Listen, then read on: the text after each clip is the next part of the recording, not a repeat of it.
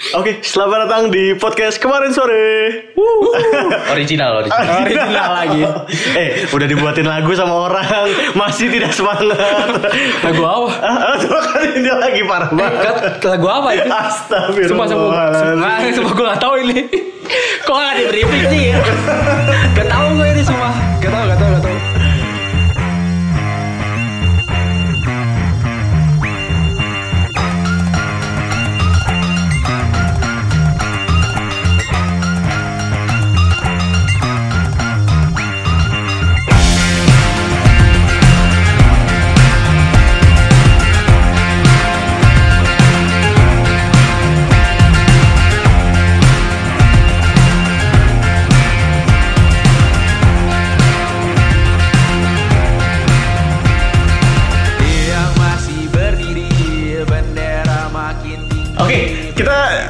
akan bacakan kembali seperti biasa recent updates terbaru Oke. dari berita kita hari ini. Sekarang dari mana nih?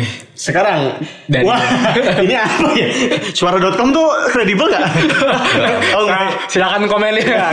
gue juga gak tahu sih sebenarnya. Ya, Kalau suara.com. suara.com. Karena emang nyari beritanya yang asik. Ah, jadi beritanya datang dari teman Dani. Ah. Berita datang dari teman Dani. Judul beritanya adalah Siapkan 110 juta rupiah, Miftah Sabri tantang kader PKB pulangkan Habib Rizik. Oh. Wih. Ada apa ini? Ada apa itu? Jadi rame lagi ya ini bahas Habib Rizik. Eh, dari kemarin kita bahas tentang eh, ternyata dia pulangnya kelamaan, Hmm, ternyata harus ada yang dibayar, terus siapa yang bayar, terus Itu sih masalah mau visa bayar. gue nggak terlalu ikutin sih sebenarnya. Tapi kalau ngelihat itunya harusnya iya, karena Dia, dia tinggal di sana, visanya visa apa? Visa. Ada nggak visa ustad? Emang ada bikin lagi sendiri deh itu dari BPN kayaknya. Kalian kata ada kartu apa KTP Sandi Prabowo, KTP, Prabowo Sandi. iya, iya, iya. Nah, Ini visanya deh. bukan visa ustadz, visa ulama. Oh iya. Oh. Kayaknya ada visa Terusnya ustad. beda. Copyright. Iya, iya. PA 212. Iya. ya enggak, tapi pertanyaan gue dari berita itu adalah ini kan pemilunya udah habis nih. Kenapa Habib Rizik rame lagi? Hmm. Iya gak sih? Maksudnya emang emang mau ada apa lagi sih? Kayak kemarin kita udah bertarung berdarah-darah termasuk juga beliau sebagai aktor utamanya. Kok sekarang beliau muncul lagi? Kenapa? Kenapa? ini dia mau dicalonin lagi jadi Oh, apa? jadi apa? presiden. Kan presiden masih 2024. Iya, siapa tahu kampanyenya Oh iya. sekarang kan. Iya, iya. Ini dijadiin dulu. sebagai mahar gitu ya? Mahar gimana? Oh, Mahar hasil supaya dua rekonsiliasi. ini iya Oh, rekonsiliasi. iya, iya. Itu nggak sih? Iya ya, itu kan supaya tidak ada oposisi. Benar-benar. Oh itu mahar ya. Jadi bukan karena ada event-event lainnya yang akan segera muncul lagi. Gue tak, gue nggak tahu sih apa ini dijadikan bahan. Emang kita ke depannya mau ada apa lagi? Eh, pertarungan politik masih 2024 kan? Yang besarnya, yang besarnya, terbesar Ya, lah. Oke, terbesar. yang lainnya? Nah, kalau Habib Rizik gue sungguh tidak mau komen. Oh iya iya, no komen, no komen banget. iya. Tapi memang eh, ternyata nafas kita setelah pesta demokrasi kemarin April 2019 itu belum beres setelah eh, MK memutuskan ini ya Ya, hasil ya, gugatan ya. kemarin. Oke. Ternyata memang eh, baru-baru ini KPU itu ngeluarin rilis untuk jadwal pilkada serentak 2020. Ah, tahun depan. Tahun depan. Jadi uh, kebayang capeknya. nafas kita eh ditahannya sangat sebentar gitu ya. Karena eh, kalau menurut KPU itu Februari 2020 itu sudah mulai pendaftaran eh, calon gubernur untuk Februari provinsi. 2020. Februari 2020. Jadi Bentar lagi ya. sekitar 8 bulan lagi ya. ya, Iya. maksudnya nggak nyampe setahun kan ya. Nggak Dan juga setahun, di Maretnya itu pendaftaran buat calon bupati dan wali kota. Kayak gitu. Ah, oke oke. Dan sekarang ini katanya ada sekitar 9 provinsi eh, lalu juga ada 37 kota dan 224 kabupaten. Wow, itu yang bakal banyak. Ikut, ya iya makanya I- itu tuh banyak. bisa dibilang ya ini hajat nasional lagi gitu Ya, kan. karena banyak makanya serentak boy. Oh iya. Enggak maksud gua Iya capek gitu loh. gue Kalau masih cuma capek. kalau cuma berdua bukan serentak janjian. Iya iya iya. iya. Pilkada janjian ya. Udah ada janji. Enggak terus gue kayak aduh capek banget gak sih lu kayak baru beres. Terus enggak berarti kalau ada yang beranggapan bahwa ini ini ide ide-ide tentang isu Habib Rizik selain mahar bisa juga jadi isu untuk pilkada bisa aja dong untuk jadi kan kita pernah bahas ya dulu isu Eh, turunan, ah. isu presiden, isu kepala daerah sampai isu kepala desa bisa sama Tapi kan? buat lo ngomong kayak gitu, emang ada daerah apa yang kira-kira Habib Rizik punya peluang besar? Ah, tadi ada berapa? 9 provinsi. 9 provinsi, 37 kota dan 224 kabupaten. Gue Iya. aja nggak tahu nih eh, Habib Rizik ini orang mana ya sebenarnya. Atau dia Arab gimana ya. ini? Atau, atau gimana pesenan dia? Enggak, dia itu orang petamburan. Nah, Oke. Daerah situ. Tapi Jakarta nggak ikut ya sekarang belum belum. Itu sabar. tuh namanya marga Arab gak sih? Enggak ya? Iya ya, itu kan keturunan. Iya kan Iya, iya, orang masih ada keturunan. Iya. Secara umum keturunan. Terus terus jadi emang ada daerah apa aja sih? Ya, yang kira-kira dia punya pengaruh. Ah, Iya, sekiranya. Gue nggak nggak nggak nggak tahu ya, gue nggak tahu track recordnya Habib Rizik. Tapi Hah? kalau untuk provinsi sendiri sebetulnya banyaknya di wilayah ini sih, eh, Sumatera, Kalimantan dan Sulawesi kayak Oke. gitu. Tapi kalau selain Jawa. Selain Jawa, Oh, iya. nggak Jawa nggak ada yang ikut. Enggak enggak ada sama Nggak, sekali. nggak, nggak ada yang buat tahun Oh, ini kan. Jateng, Jatim kan baru kan. Banten juga, Banten kan waktu itu bareng DKI ya mas. Iya, ya? 2017. Iya, iya. Ya kan, ini pemilu berarti. pinggiran gitu ya jadi. oh iya iya iya. iya. Terus Eh, kalau di ra- ranah provinsi mungkin yang cukup menarik kalau dari gue sendiri itu di Sumatera Barat. Ah, kenapa Karena tuh? sekarang gubernur kan gubernurnya sekarang itu kan Pak Irwan Praitno. Oke. Eh, salah satu kader PKS. Oke. Kayak gitu. Dia udah dua periode. Jadi otomatis kan akan ada gubernur baru. Jadi cukup Oh ya. cukup menarik karena istilahnya kalau setelah dua periode ini kan biasanya persaingannya lebih ketat ya. Iya, gitu. iya, iya, iya. Mungkin ba- bakal banyak eh, paslon yang naikin gitu. Walaupun sekarang belum belum cukup hangat sih kayak gitu siapa yang bakal dinaikkan Oke. kayak gitu. Tapi di, di Sumber tuh yang kuat siapa sih? Partainya. Iya. PKS Sumber- P3. Oh, PKS Oh, sama P3. agak Islam berarti ya. Emang 98 persen. Oh, iya, iya. Menangnya. 87 ya? hmm. Lupa berapa ya? Eh, pokoknya di atas 80 persen. Ya, lupa detailnya. jadi wajar berarti kan Pak Irwan Praitno bisa dua periode. Oh, iya. Memang grassrootsnya kuat Ingat gitu ya. tadi 80, apa di atas 80 persen emang milih siapa? Hubungannya? Hubungannya apa emang? Nah, mungkin Pak Habib bakal ke sana nanti. Oh, iya, iya, iya. ke Padang dulu deh ya. iya, iya. Baru ke Jakarta lagi. Oh di sana berarti bakal cukup menarik ya? Kalau kalau gua kalau kata gua sih kayak gitu. Kalau yang daerah lain kurang mengikuti sih kayak gitu. Kader-kadernya Oke. oke. apa ya? Yang kurang tahu sih gua kalau yang daerah lain Oke. kayak gitu. Tapi berarti secara umum kayaknya bakal uh, dari kedua partai tadi ya PKS sama P3. Iya mungkin nah itu. Tapi bisa jadi partai-partai lain juga mungkin menawarkan apa ya? eh ya program yang baru kan. Iya, iya. Karena istilahnya udah dua periode pasti kan nggak ada kelihatan unggul sih kayak gitu sih. Gua ngeliatnya Iya, nggak akan ya kayak pilpres aja saat 2014 istilahnya semuanya punya peluang kayak Iya. gitu. Lebih lebih ada kemungkinan semuanya bisa menang gitu. Nah ini bakal jadi menarik karena itu tadi gue bilang. Ah, ini petahana baru turun setelah dua periode pasti mungkin partai yang lain juga bakal lebih berani kan untuk ngeluarin Iya, iya, narasi-narasi yang baru kayak gitu. Turun deh ke daerah kota kabupaten. Yang menarik apa, Riz? Provinsi Kalau- ada yang menarik lagi provinsi. Gua bukan bukan menarik sih, nggak tahu masalahnya. Oh, iya, iya. itu Oh, lebih iya. nggak tahu jadi tidak mau sotoy ya. Oh, siap, Saya nggak punya siap. datanya nih Siap, teman-teman. Jadi mari kita ke kota saja kayak gitu. Faris nggak megang wiki hari ini. Iya. terus terus di kota kabupaten? Kalau di kota yang cukup menarik itu pertama Depok. Oh, Karena gue pernah tinggal di sana Oh, iya. 7 tahun dan Kota Perdesariah. Nah, ini kota yang sangat menarik ya. Hah? Bikin kebijakan. Eh, macet, tapi mari kita makan pakai tangan kanan. Apa urusannya gitu kan? apa gimana gimana? Kotanya macet. Ah, ah, terus? Tapi gagasannya yang keluar adalah kita mari kita makan pakai tangan kanan. Oh iya iya iya. Ini aduh astagfirullahaladzim dan Ya. memang kebetulan di Depok juga adalah Oh, iya, iya. penguasanya itu sekitar tiga periode itu dari PKS. Kan Oh, dulu tiga Pak periode. Nur Mahmudi Oke. dua periode lalu ternyata ketangkep kan ya korupsi apa ya gue lupa. Hah?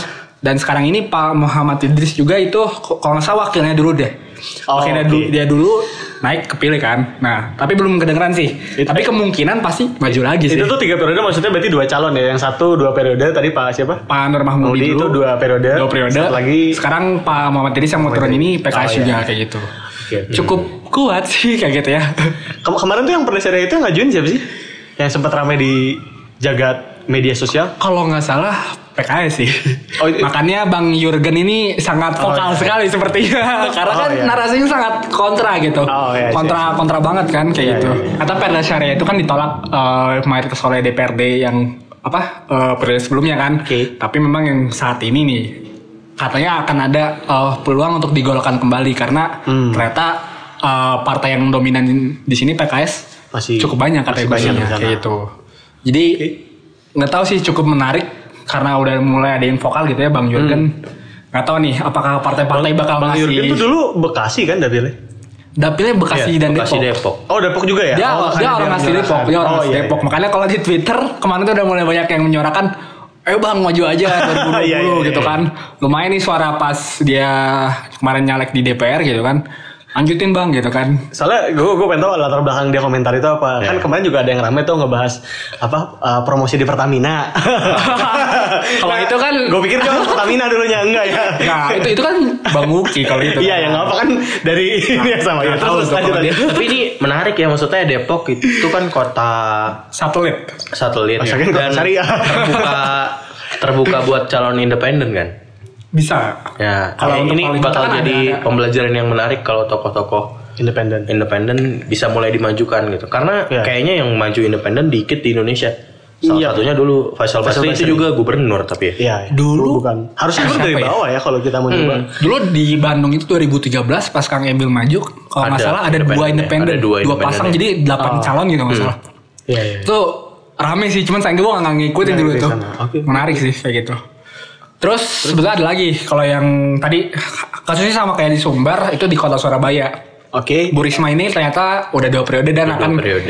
digantikan kan. Sehat terus ya Bu, sehat terus Bu. yang jadi rame pertama tetap eh, ini bakal jadi rame karena mungkin partai-partai bakal eh, ngasih nama-nama baru kan kayak gitu Ya. setelah dua periode dan kedua sebenarnya ke mana eh, Bu Risma setelah ini gitu sebenarnya yang jadi jadi sih. pertanyaan di menarik karena isunya beliau ini mau dinaikin eh, sebagai cagup DKI lagi Wah, lawan isunya naik dong. lagi nah Kalau makanya jadi ya? jadi menarik kan maksudnya pilgub DKI itu kan 2022 ya Iya, iya. kemungkinan kan nah Emang ada 2022. nggak tahu Eh, 2024. Dipa- Oh dipanjangin, dari 2024 dipanjangin. ya nggak apa-apa mungkin Tapi mulai dua- dijual dari sekarang kan 22 ke 24 Kayak gitu. kan PLT. Oh PLT berarti sekdanya mungkin ya sekda Iya, provinsinya. Jadi sebenarnya mau naik mau turun nih Bu Risma panjang banget sih jalannya. Iya, dia dia kayak kosong dulu ya. Iya, elektabilitasnya. Tapi sebenarnya Eh, dia itu tuh pemilihannya kapan? Oh iya, nggak mungkin jadi menteri ya, nggak mungkin jadi nggak mungkin jadi menteri ya. tahu mungkin tahu sih, mungkin, mungkin aja. aja. Atau Mungkin ketua aja. BUMN. Masih bertugas sekarang. Iya ketua BUMN. Iya. BUMN mentoknya iya. Kayak lembaga non kementeri eh sama aja ya lembaga non kementerian juga. Tapi sebenarnya Bu Risma ini tadinya sebetulnya pas Pilgub Jatim 2018 kemarin itu sempat dicalonin sebenarnya mau di- eh, dijadikan wagub. Oke. Waktu itu gantiin Pak eh, Abdullah Azwaranas. Oke, gitu iya. kan waktu itu kan dia beliau mundur dan dia kan kadernya PDIP. Oke. Akhirnya nyarinya siapa nih kan eh, kepala daerah berprestasi lah kayak gitu. Akhirnya Bu Risma yang ditunjuk cuman beliau menolak katanya. Oh nggak bisa saya harus tuntasin dulu di Surabaya sampai 2020 kata dia. Akhirnya kan makanya Iya, Bu Putih kan akhirnya yang naik kayak gitu. Jalannya ambles ya belum selesai. Wah Iya, itu iya, iya. isu nasional banget ya. Oh Kayak iya, gitu. oke. Dan tadi Eh, nggak sengaja. Su- Su- Surabaya seperti umumnya Jawa Timur yang kuatnya Kandang banteng. lah. sama ya masih Tapi nggak Eh, nggak enggak, nggak enggak, nggak tahu. dominan kan. Jawa Timur tuh nggak dominan, Jateng yang dominan. Jawa Timur Jateng gimana? tuh hampir 2000 hampir.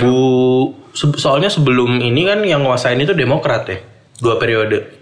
Oh sempat Oh, ya. Pak ini ya Soekarwo ya. Iya, Pak Soekarwo tuh Pade Karwo itu. Demokrat ya? Demokrat dua periode. Pak apa Saifullah Yusufnya PKB kan. Gus Ipulnya itu wakilnya kan? Iya, wakilnya. Berarti berarti masih cukup ramai ya buat buat bertarung di Iya. sana. Ya mungkin ya bakal bakal banyak nama baru. Tapi kalau misalnya tadi kesebut masalah Jateng memang, nah salah satu yang menarik juga di Semarang.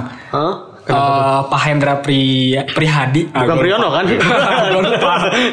Ini Pak beliau wali kotanya kan petahana. Dia Ah, iya. bakal katanya bakal maju lagi eh, satu periode lagi katanya bakal bertarung. Beliau juga PDIP. Oh, Nah, oke. Kayak gitu. I see. Ada kemungkinan sih menang lagi sih kalau gue ngeliatnya nih Pak Pak Hendra dan Asik. gue salah, salah satu wali kota yang gue cukup apa ya kagum sih memang Kenapa ya, tuh, kenapa? komunikatif sih cukup Oh. komunikatif Pakai medsos. Eh, Emang iya, Anda sukanya yang pakai medsos ya? iya karena enggak Oh, iya. gue transparan Iya, gitu iya, iya, gue iya. gue menariknya adalah Siap siap. dia kan berarti bisa mungkin transparan kan sedangkan kan kondisinya saat ini orang-orang pakainya HP gitu kan Ya, ya. jadi lebih lebih cepat informasinya kan nyampe kayak gitu Yang penting jangan salah kayak Valdo. pakai HP kayaknya di lebih liang tidak pakai HP. Nah, terus juga sebenarnya yang menarik itu Banyuwangi juga kan akan ganti. Banyuwangi. Nah, sini juga ini dia udah dua periode dan nggak tahu nih setelah ini bakal ke mana juga nih Pak Zoranas.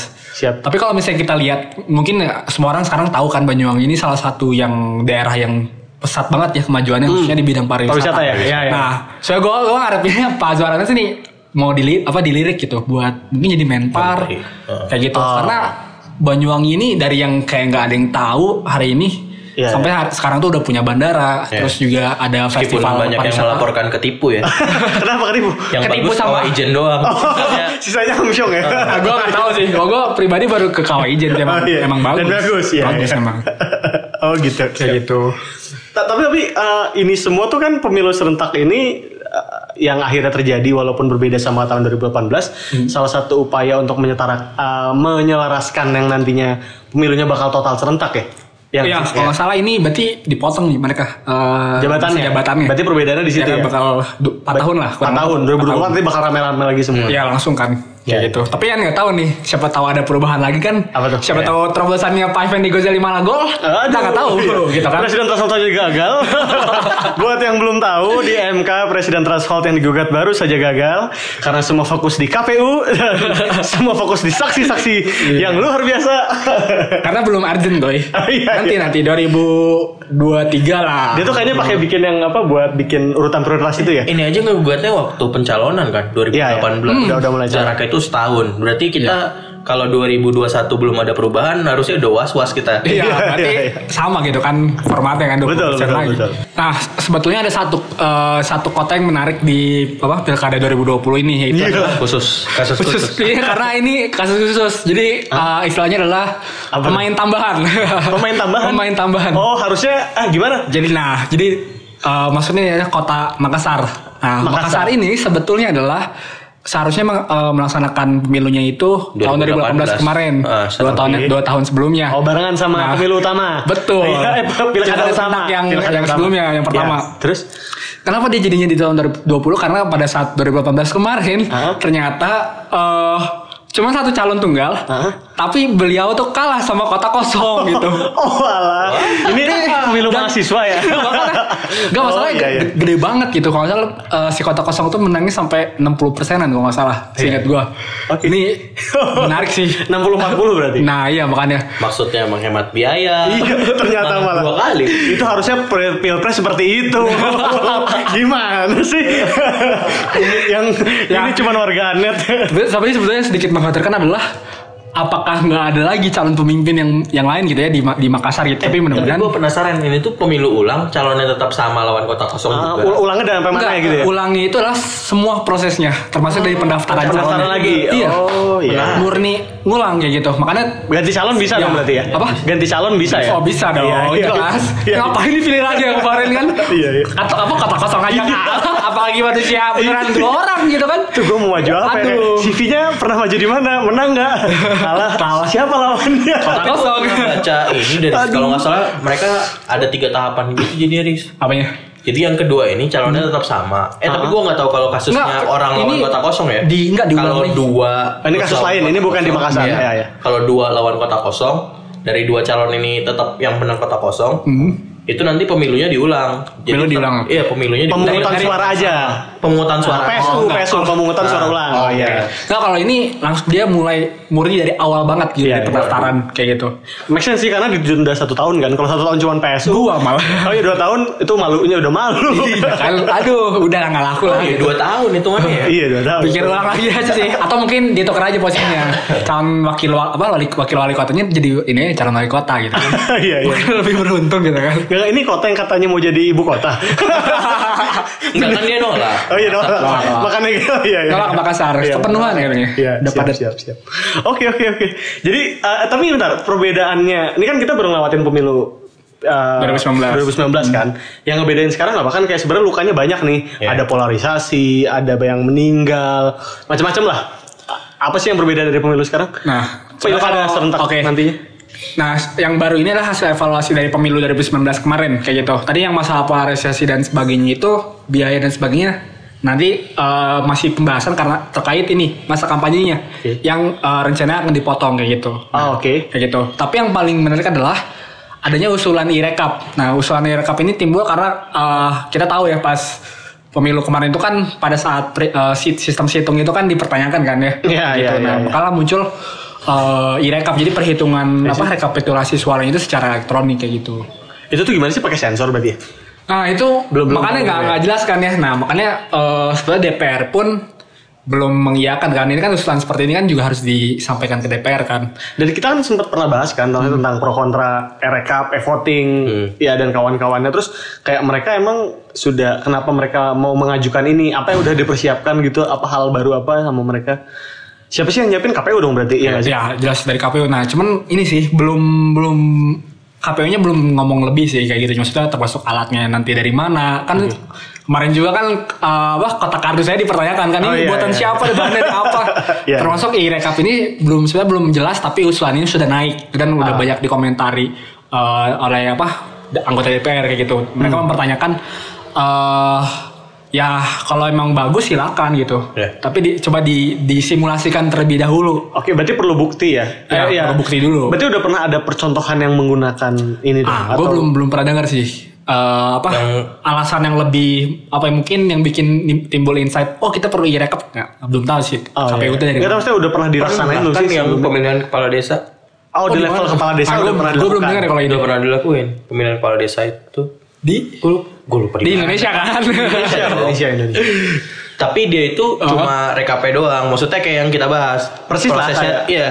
Prosesnya tetap Nyoblos. ya betul Eh, karena kan eh, kecurangan itu terjadi setelah seringnya adalah setelah eh, rekapitulasi pertama kan. oh Ya, di ya, ini ya. berarti ya Kan, di ya. form C satunya ya Iya, kalau pada, di- pada saat nyoblos Iya, jarang lah. Pada saat pencoblosan hingga rekapitulasi eh, surat suara yang pertama kali di TPS dasar itu kan jarang terjadi kecurangan. Iya, iya, iya. Nah justru gimana caranya memin insight-nya adalah gimana caranya memindahkan dari proses ini hingga proses akhir secepat-cepatnya. Berarti dari sehingga kecurangannya TPS ya? nggak sempat buat masuk gitu. Hmm, oke, oke. Jadi dari ha- hasil rekap itu Iya, iya. langsung diunggah ke situs data yang terpusat. Ah, sih. Berarti yang model Dilan suara gue udah gak kepake Iya. nih.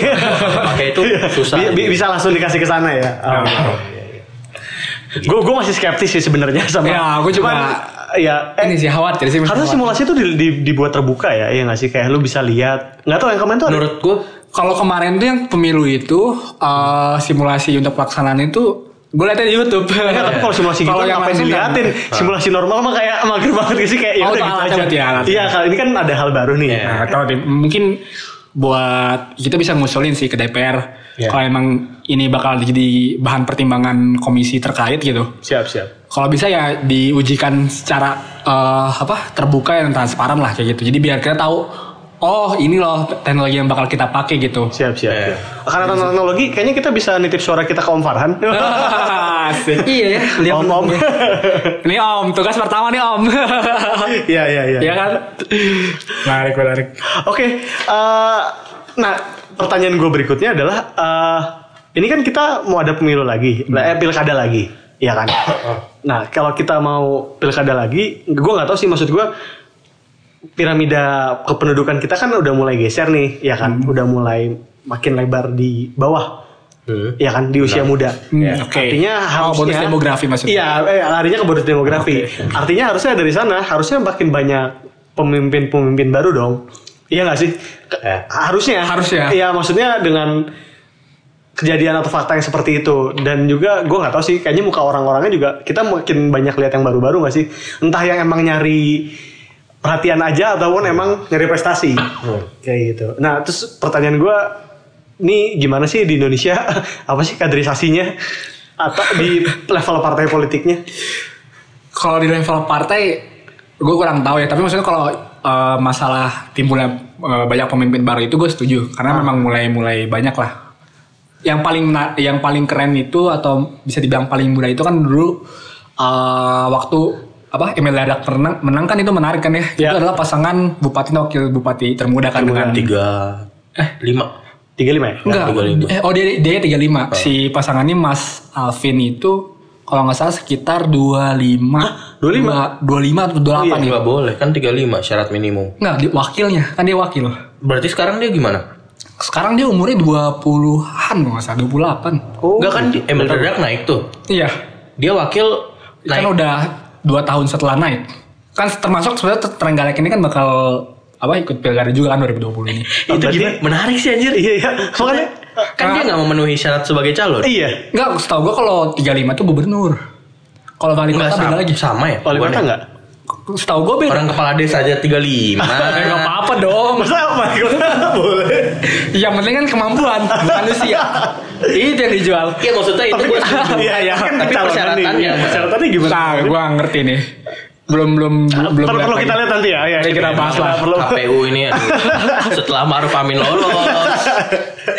Tapi setahu gue umur dia masih range 25 sampai 30 baik Oh, iya. saat dilantik dan sekarang masuk tahun ke 4 tahun, masuk 4, 4 tahun ya. Oke. Sejak 2019 ini dia akan jadi bupati kan setelah jadi wakil bupati sekarang berarti umurnya masih di bawah 30 nggak salah Ah, Oke. kayak gitu nah terus kalau bisa kita bicara regenerasi kan sebetulnya eh, ini kan bisa dibilang jabatan politik ya kepala Yes. daerah itu Ya. tentunya harusnya bebannya be- bebannya ya arahannya kan konsepnya harusnya di parpol kayak gitu Ya. Nah, Sebagai sebenarnya yang jadi menarik uh, menuju utama. pilkada 2020 ini dan juga nanti uh, lima tahun setelahnya adalah uh, apa pemilu 2004 termasuk juga pilkada serentak. Pemilu 2004. Eh benar kan? Oh, iya, iya. Pilkada, eh, dan juga pilkada serentak semua kan ya. Oke. Uh, gubernur, wali kota, bupati, DPR semuanya kan ya legislatif semuanya. Hah?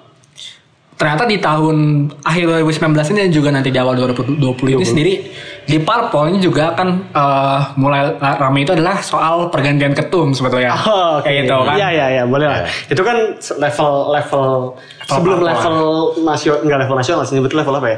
Level publik ada di Oh. level private dulu kan. Persaingan untuk regenerasinya. Oh, Ya oke. kita bisa bilang seperti itu. Eh, tapi mungkin sebelum segitu, gue nih gue dapat berita lagi nih.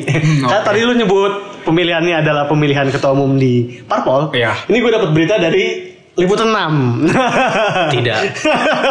Aduh. Soalnya Tirto nggak bikin liputan kayak begini-begini. Jadi Juga tidak ini ya, tidak clickbait ya. iya iya iya. Jadi judulnya adalah uh, dari Golkar pemilihan ketua umum secara aklamasi bukan hal tabu. Jadi yang ngomong siapa golkar nih? Gak Golkar. Siapa yang ngomong ya? Gak gak. Eh, kok gue ngeri ya mendengarkan aklamasi. Ya, oke. Karena maksud gue ya aklamasi bagian dari mufakat yang dicapai melalui musyawarah kan. Iya Ya. sih? Sebenarnya. Iya sebetulnya. Nah, tapi aklamasi yang sekarang ini terkenal tuh gue lebih kayak ke arah otoriter, suara Tuhan. Iya. Sebetulnya lebih ke otoriter sih maksudnya.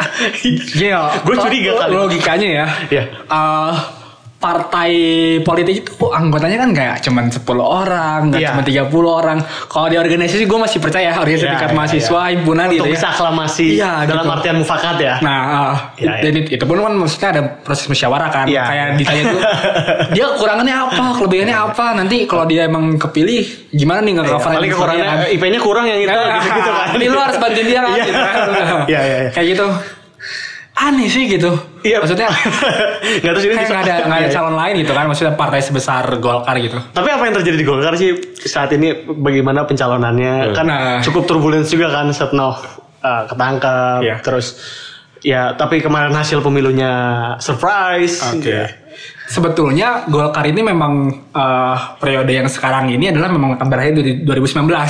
Ah. Tapi sebetulnya eh, ketua umum yang aslinya yang hasil prosesnya di Golkar kalau nggak salah Munas kalau nggak salah ya. Pokoknya ada eh, proses pemilihan ketua umum itu. Dulu itu kalau nggak salah yang kepilih itu Pak Abu Rizal Bakri. Oke. Tapi terjadi dualisme katanya dia ada dua dua ketua nih. Oh, iya, iya. Selama dua tahun tuh Dua dari apa tiga? Gua taunya dua. Kan ada dua kubu tuh ada Ancol sama Bali kan. Oh, Oke, Ancol tuh Abu, siapa? Eh, Abu Rizal Bakri atau Agung Abu? Rizal Bakri Bali lah. Iya. Ngapain Oh, dia. Ancol yang murah? Iya. Orang Lupa gue, gue gak Laksono kayak apa kan. Iya benar benar. Oke intinya Pak Abu Rizal Bakri dan Agung Laksono ada dualisme kayak Oke. gitu. Tapi hitungannya adalah periode yang sekarang itu memang tetap dari 2014. Oke. Akhirnya setelah ada dualisme itu apa pemilihan ulang kan. Jadi posisinya waktu itu Setnov itu naik sebetulnya pengganti kan. Ah. Pengganti untuk periode yang eh, masih berjalan ini kan. Terus habis itu Setlov ternyata kena gitu kan. Ah, diganti lagi. Diganti lagi. Mundur kan dia? Oh ya mundur ya. Iya Mundur, iya. oke, iya. mundur. Gentleman, gentleman. Gentleman.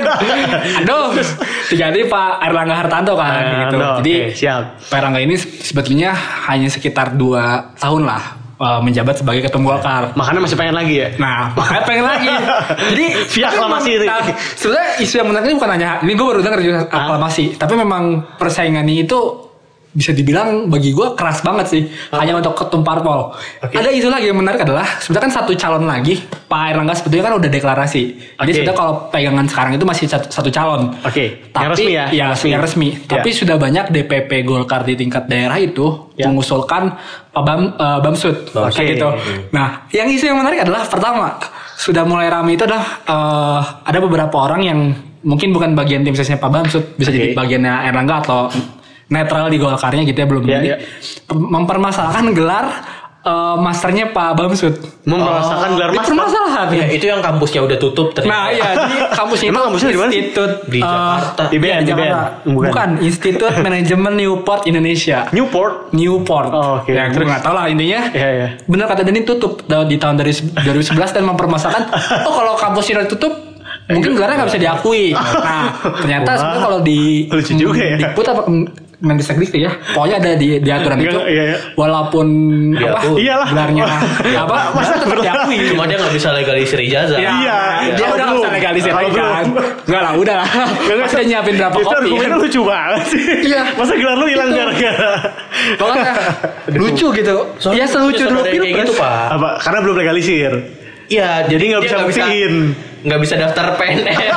Iya, karena nggak ada ininya kan Iya, nggak legalisir ya. Iya, iya, iya.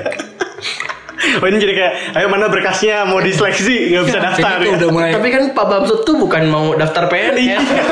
kan ketua umum parpol. Nah, nggak tahu ya di Golkar seperti apa. Nanti mungkin kita harus kita harus lihat juga sih. Ibu Mega juga nggak S2. Tuh kan. Dokter Nggak yang jadi S1 pertanyaan kan ya, Iya. dokter honoris itu. Beda partai, beda partai. Oh iya. Beda partai, Standar ya. beda standar. Mohon maaf. Terus Tuh, itu Itu pertama. Kalah S3 sih. Iya tuh kan.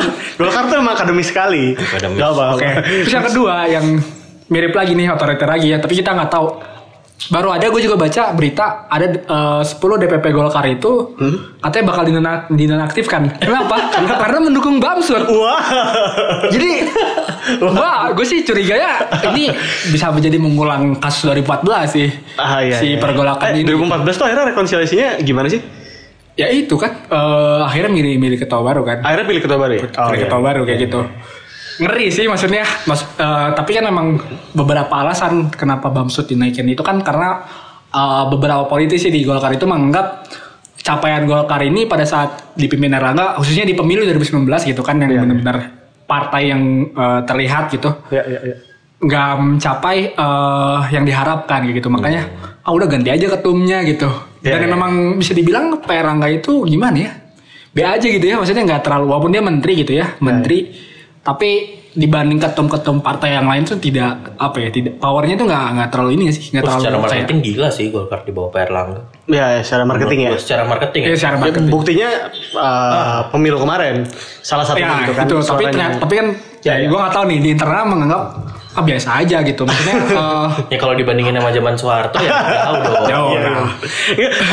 Tapi gue ada sedikit pertanyaan maksud gue kayak di Indonesia tuh kan ini kan kalau gue ngedenger cerita tadi ya itu tuh kayak cita-cita anak kampus mau ngegagalin lawannya di pemira iya nggak sih? Iya, itu Kan di tipe- fase pemberkasan dulu kan. tipe-tipenya kan begitu kan Iya. iya. sih dan itu terjadi sampai level di atas. Nah maksud gue kayak uh, apakah cara-cara seperti ini yang ngebuat kita tuh sulit gitu untuk bisa bermain bertarung untuk levelnya level gagasan gitu? Karena kayak mereka daripada bertarung di level gagasan untuk mempengaruhi masa atau bahkan untuk marketing dirinya mereka sendiri deh. Ini kan kayak awal banget kan jadi kayak udahlah cut-cutin aja lawannya. Apalagi kalau cuma dua kayak gini.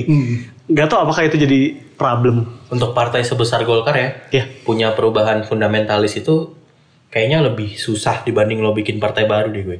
untuk untuk menerapkan seperti itu Iya, iya, iya. Kayaknya kayaknya ya kayak orang-orang kayak Prabowo, orang-orang kayak Wiranto, Iya. Surya Paloh. Surya Paloh yang paling progresif di antara mereka.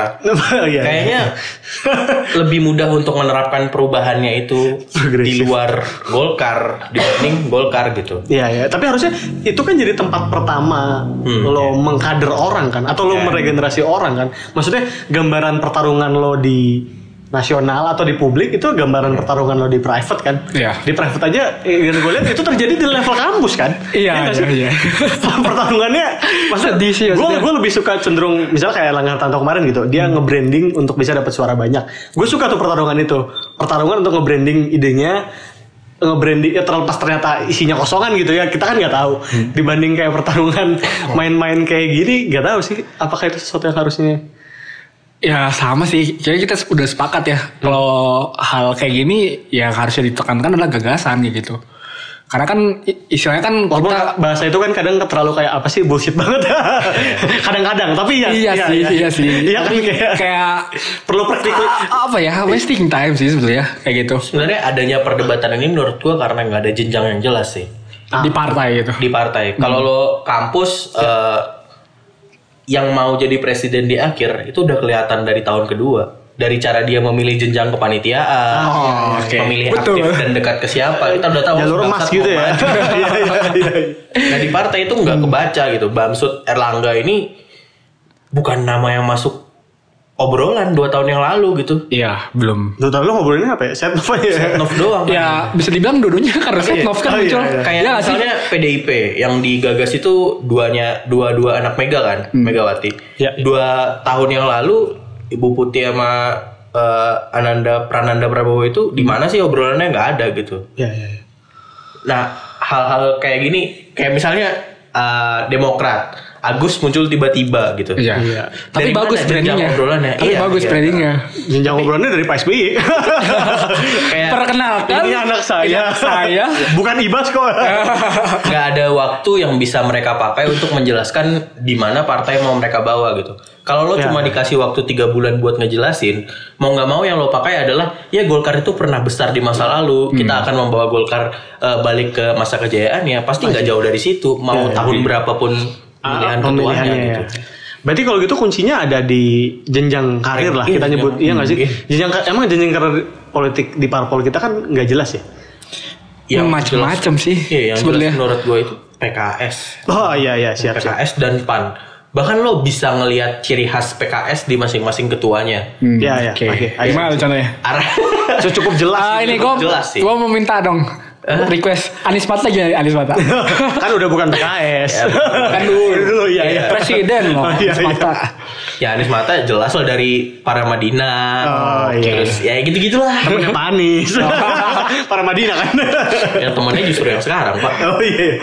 Kalau gue pernah denger cerita ini sih di PKB Pak Imam Nahrawi itu ken- kenapa bisa jadi menteri itu ya sama banyak kan politisi sekarang itu kan sebenarnya dulunya aktif di ini kan gerakan mahasiswa kan. Ya. Kalau dulu itu dia beliau kalau nggak salah di apa gue lupa HMI juga bukan ya? Gue lupa pokoknya.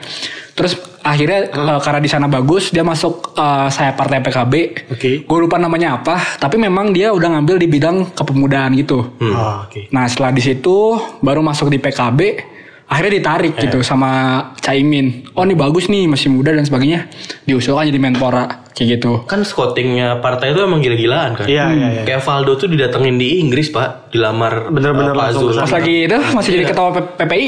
Masih jadi ketua PPI didatengin Pak Zul langsung ke sana. Iya, Terus ya sebenarnya kita punya sayap partai sih, tapi sayap Hmm. partai ini kayak ketika lo udah lepas dari misalnya banteng muda atau ampinya Golkar, udah hilang aja, udah berbaur. Hmm, Iya, kayak iya. gitu. Mungkin emang harus dibikin satu jalur kalau di perusahaan tuh ada satu jalur kaderisasi namanya manajemen trainee. Oh oke iya iya. Mungkin parpol Iya, tuh iya. emang harus Perlu- dibikin perlu- kayak gitu. perlu Mana yang gitu. punya ambisi besar, ya udah masuk lo masuk jalur MT gitu. Tapi biar dipersiapkan. Memang dipersiapkan gitu. Iya, jadi memang ini ya, apa seringnya itu memang orang-orang yang bisa dibilang udah bagus banget yang baru ke- yang bisa langsung step up tinggi ya. Yang baru netas itu kayak ketika dipindahin ke oh.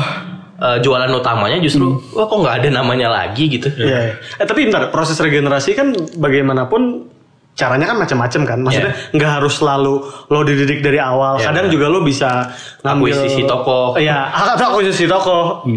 Eh, bi- dan berbagai macam cara lainnya. Iya. Ba- Sebenarnya jadi yang jadi problem itu apa kalau dari regenerasi parpol ini? Kan sebenarnya udah dilakukan dua-duanya kan. Maksudnya nggak Hmm. ada partai atau kita kita pengen bermimpi melihat partai yang ini benar-benar hasil grassroots, ini yang hasil Hmm. comot-comot atau emang harus seimbang aja atau gimana yang jadi problem sebenarnya apa sih? Kalau gua setuju dengan Dani sih, maksudnya memang better tuh bertahap sih kayak gitu. Dia Iya. dia ngambil jabatan mungkin di DPP daerah gitu ya. Kalau dari saya partai, Oh, iya. dari saya partai itu kan idealnya kan. Ya lu lu bisa kenal ada RT partai lo, lo bisa kenal ideologi partai lo, tapi kan pada praktiknya kan nggak bisa kayak gitu kan. Iya.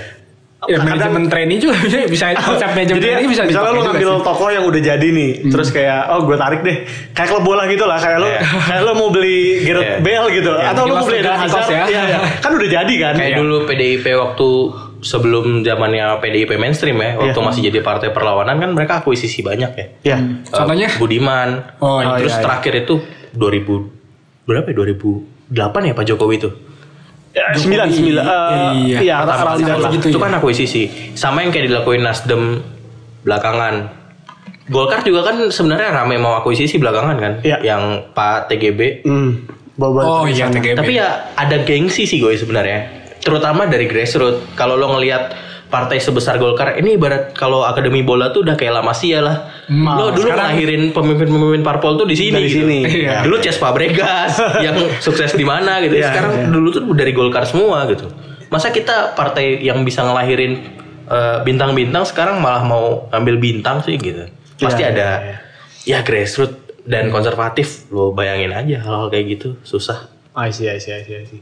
Dan kalau terkait sama pertanyaan lo ya, harusnya menurut gue bukan gimana partai harusnya, Iya. tapi setelah keputusan diambil, entah itu mau fokus di akuisisi atau mau regenerasi, Iya. gimana penyesuaiannya. Jadi bukan oh. gimana bikin supaya kita ideal ya, tapi setelah ini jalan kita supaya stabil, apakah itu Hmm. Harus seperti apa? diambil harus seperti apa? Iya, iya. Karena Jadi- konteksnya akan beda. Based on Beda time. Iya. Heeh. Tapi buat jangka panjang setuju kan harusnya pakai eh, apa namanya jalur jalur regenerasi yang panjang Kayak untuk partai- stabilitas. iya, Iya, iya. partai yang suaranya konstan dari dulu sampai sekarang itu ya partai-partai kader.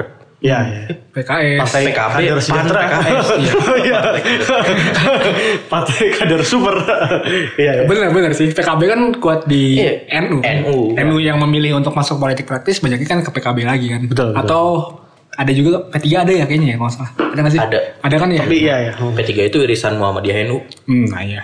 Tapi ya, harusnya dengan kalau misalnya bisa terjadi seperti itu itu bisa memberikan warna. Kan kita selalu mengeluh tentang tidak adanya ideologi partai di Indonesia kan. Ya.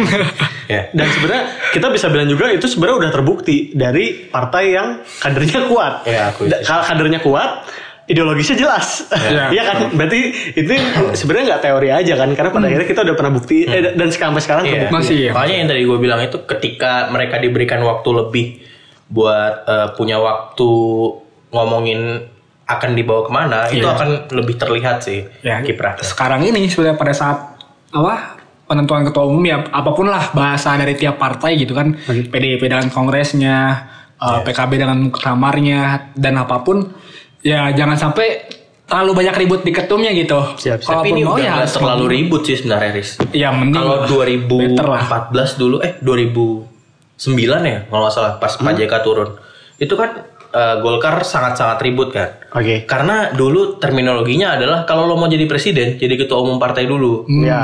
masih Sekarang jalurnya masih- begitu, masih iya, jalurnya jalur begitu. situ. Sekarang orang-orang yang masuk di bursa capres 2024 jadi kepala daerah banyaknya bahkan banyak yang nggak punya partai. Oh, iya, benar. ya usungan kan jadi Iya, Nah, usungan. Seperti siapa ya? Pak RK kan. Oh iya. Jokowi juga dulunya aduh Ya, kita bacain berita terakhir lah. Apa berita terakhir? Ridho Roma di penjara. Gue baru tahu Sumpah kenapa. gara-gara apa aja Nggak tahu kayaknya narkoba lagi. Tadi gue buka Twitter. Oh Ridho Roma Ridho Iya, Roma. iya. Ya yang pertama emang udah keluar. Gue pikir masih di penjara tapi Gue sekarang. nggak tahu. Gue cuma baca headline-nya doang.